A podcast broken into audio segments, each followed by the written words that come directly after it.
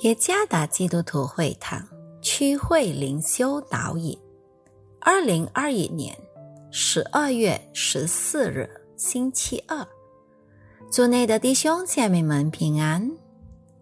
今天的灵修导引，我们将会借着圣经路加福音十八章十一和十二节来思想今天的主题。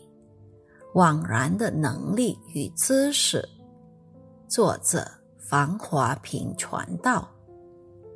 路加福音十八章十一节，法利赛人站住，自言自语的祷告说：“神啊，我感谢你，我不向别人勒索，不义奸淫，也不向这个税吏。”我一个礼拜进食两次，凡我所得的都捐上十分之一。法利赛人非常自信，也喜欢与别人较量。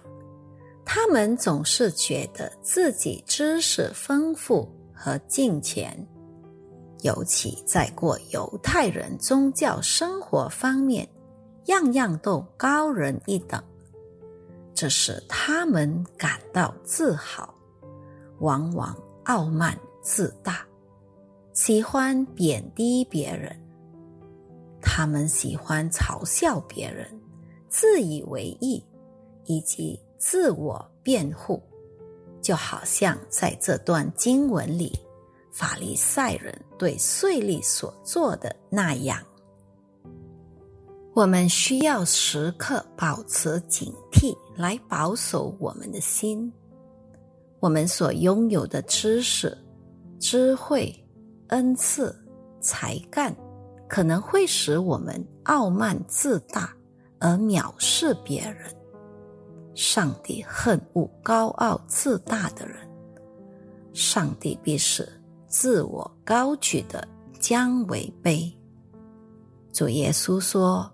被上帝算为义的乃是税吏，而不是法利赛人。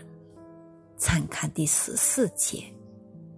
因为法利赛人在上帝和众人面前高举自己，骄傲的人幸灾乐祸，不敬畏上帝，并窃夺他的荣耀。为此。我们需要得到上帝的提示，来意识到这个错误。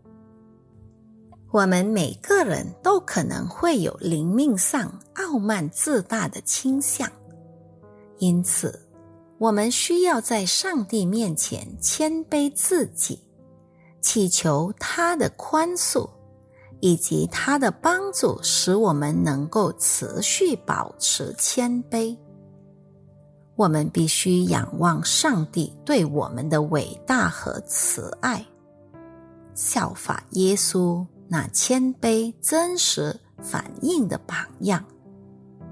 他是上帝，反自甘卑微，成为人的模样，存心顺服，以至于死，为的是救赎全人类。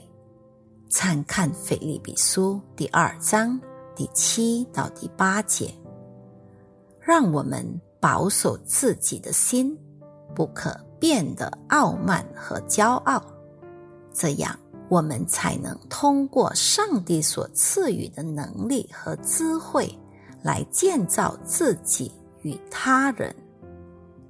一个灵命越长进的人，他就会。